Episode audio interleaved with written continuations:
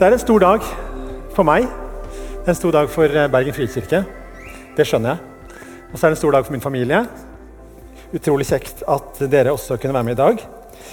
Og så er det sikkert noen som lurer på hvordan i all verden var det dette her kom til da? At jeg nå i dag står her som ordinert pastor i Bergen frikirke. Det var ikke alle som så den komme. Kanskje. Heller ikke jeg. Eh, vi flytta til Bergen for to år siden som familie. Og eh, jeg droppa inn på det som var eh, høstkonferansen i den høsten. Skulle høre min gode venn Jarle Skullerud tale. Så jeg, jeg, jeg dumpa inn her. og han hadde selvfølgelig ikke tid til å snakke med meg. Altså, vi er gode venner, så jeg hadde et påskudd for å komme. og det var at jeg ville snakke med Han Han hadde ikke tid til å snakke med meg, men jeg fikk et varmt håndtrykk av først Christian Pilskog, dette var jo den tiden man kunne gi varme håndtrykk. fortsatt. Og så av Leif Erik, og, eh, som, som, var pastor her, og som jeg i dag står her istedenfor. Og jeg har lyst til å lyse fred over hans minne. Og Så gikk det et par dager etter mitt første møte med Bergen frikirke, som var her på høstkonferansen, så, så fikk jeg en melding fra Jarle Skullerud hvor han sier Tor Erling, kan du ringe meg og det tenkte, jeg, det, det tenkte, jeg, ikke var noe veldig spesielt over. For, for jeg og Jarle vi kjenner hverandre. Vi tar, har tatt en kaffe av og til og, og, en telefonprat av og til. Så det var ikke noe spesielt med det. Og jeg, jeg ringte han med stor glede. Uh, og etter at vi var ferdig med sånn small talk, så sa han Tor Erling, vi har en situasjon i Bergen frikirke. Og jeg lurer på om du kan komme og hjelpe. Det var eh, starten. Og etter det så ble det møter med Lars Øystein og Jan eh, tilsynsmenn, det ble møter med Leif Erik, det ble møter med Eldsterådet som var. Det ble mange samtaler med enkeltpersoner i denne menigheten. Eh, mange kaffekopper. Og, og, jeg var en del av Bergen frikirke. Jeg ble ansatt eh, som fasilitator ved nyttår 2019. Eh, um, men det dere kanskje ikke vet, er at jeg sa nei til Jarle. Jeg hadde jobb fra før. En jobb som jeg trivdes med. Jeg hadde menighet fra før. En menighet jeg trivdes i. Og jeg var egentlig ikke interessert i det hele tatt. Jeg tenkte at eh, det å gå inn i en konflikt og skulle megle en konflikt, det vil sannsynligvis koste mer enn det jeg har å gi. Sånn tenkte jeg. Så jeg sa nei. Og så var det at morgenen etter så kjente jeg et eller annet i min ånd. Jeg tror Gud pirka i meg. Kan ikke forklare helt hva som skjedde, men det var en opplevelse av at nå Tor Erling, må du eh, gå tilbake til Arne så må du spørre Kan du si litt mer om det der prosjektet du vil ha meg med på i Bergen frikirke? Jeg opplever det som en sånn ah, liten sånn pirk fra Gud. Det var ikke noen vond pirk.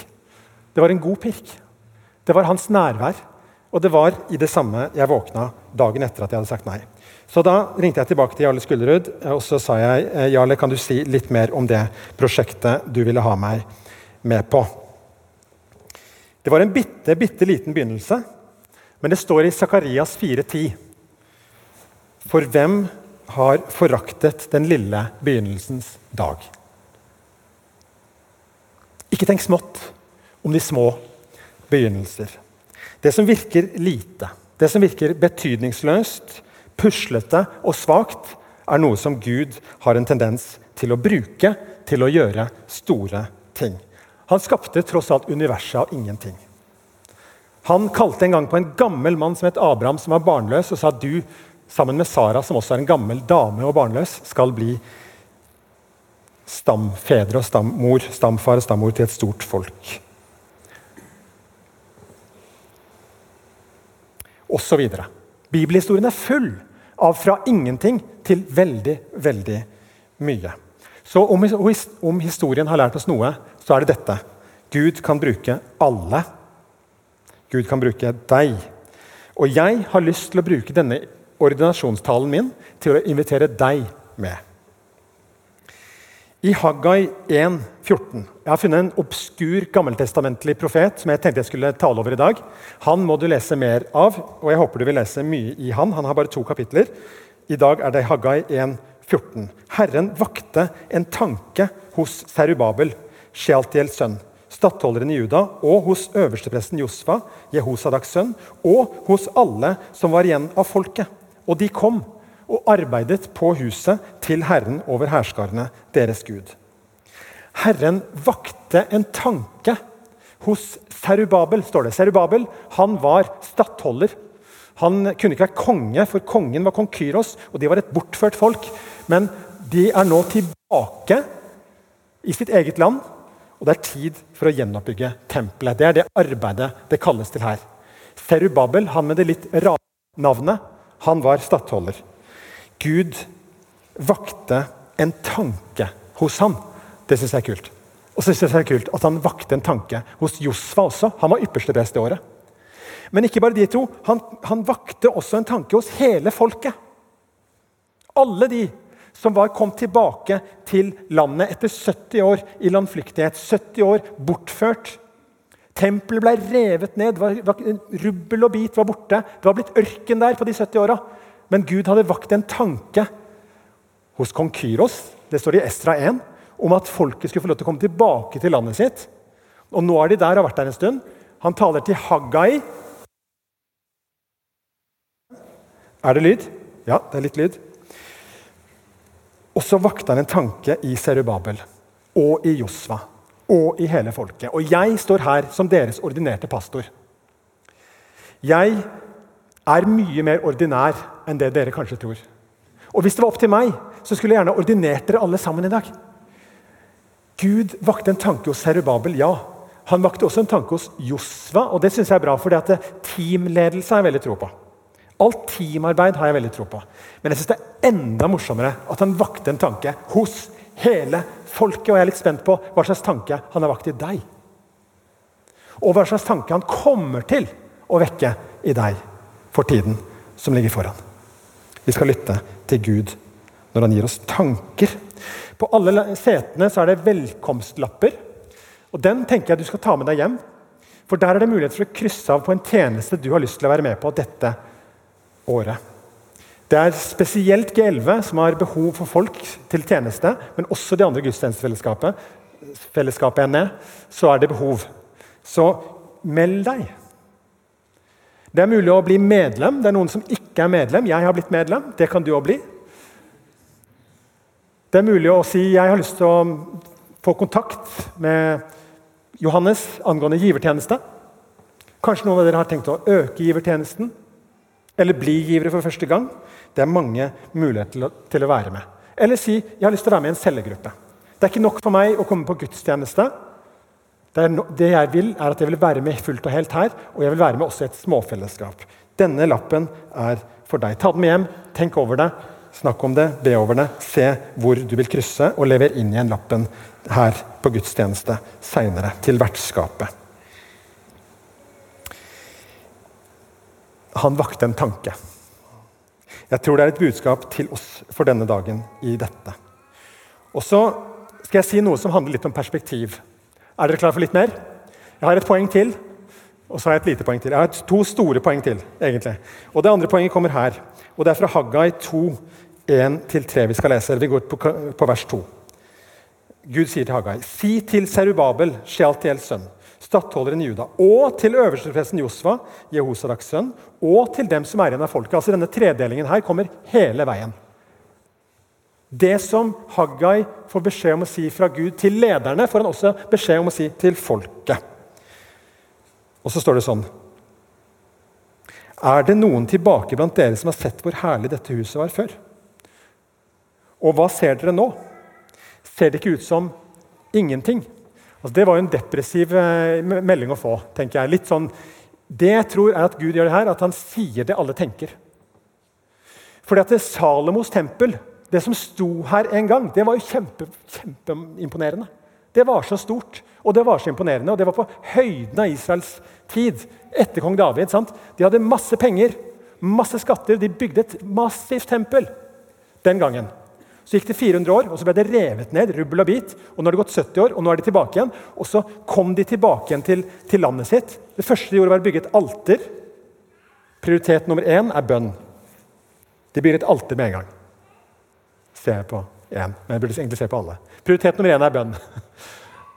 Bygde alt med en gang. Og Så begynte de å bygge en struktur for å lage et tempel rundt. Men helt ærlig, det var puslete greier.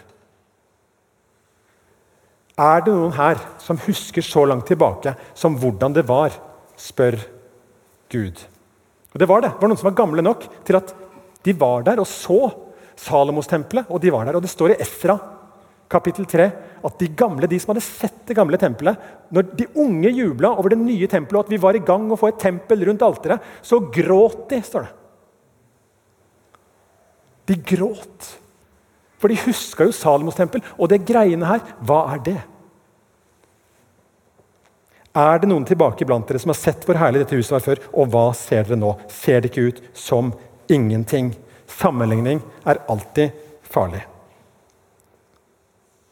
Forrige søndag så jubla vi inni oss, i hvert fall jeg jubla inni meg, over at vi var tilbake i dette rommet etter 154 dager hvor myndighetene hadde stengt oss ute fra kirkebygget. Vi har hatt online gudstjenester, men nå var vi tilbake. Og vi jubla, i hvert fall inni oss. Og i dag så sier du kanskje ja, vi er tilbake, men er dette noe egentlig da? Vi er bare 100 her. Og kanskje er det sånn at du kunne ikke komme, så du er på livestreamen, og det er alt du får. Søndagsskolen har ikke kommet i gang. Ja, Det må vi løse, det må vi ordne. Men er dette her egentlig noe å juble for? Er dette her egentlig noe som ligner på sånn som det var? Kanskje blir det aldri sånn som det var. Jeg skal ikke skremme deg, men kanskje varer denne situasjonen lenge. Kanskje, som Steinar sa, må vi stenge igjen? Hvem vet? Hva ser dere nå? spør Herren. Ser det ikke ut som ingenting? Og så har det vært storhetstider i Bergen frikirke også. Det har vært tider hvor dette var den mest innovative menigheten i hele landet i frikirkesammenhengen. Det var her det var menighetsplanting som, som skjedde ut fra.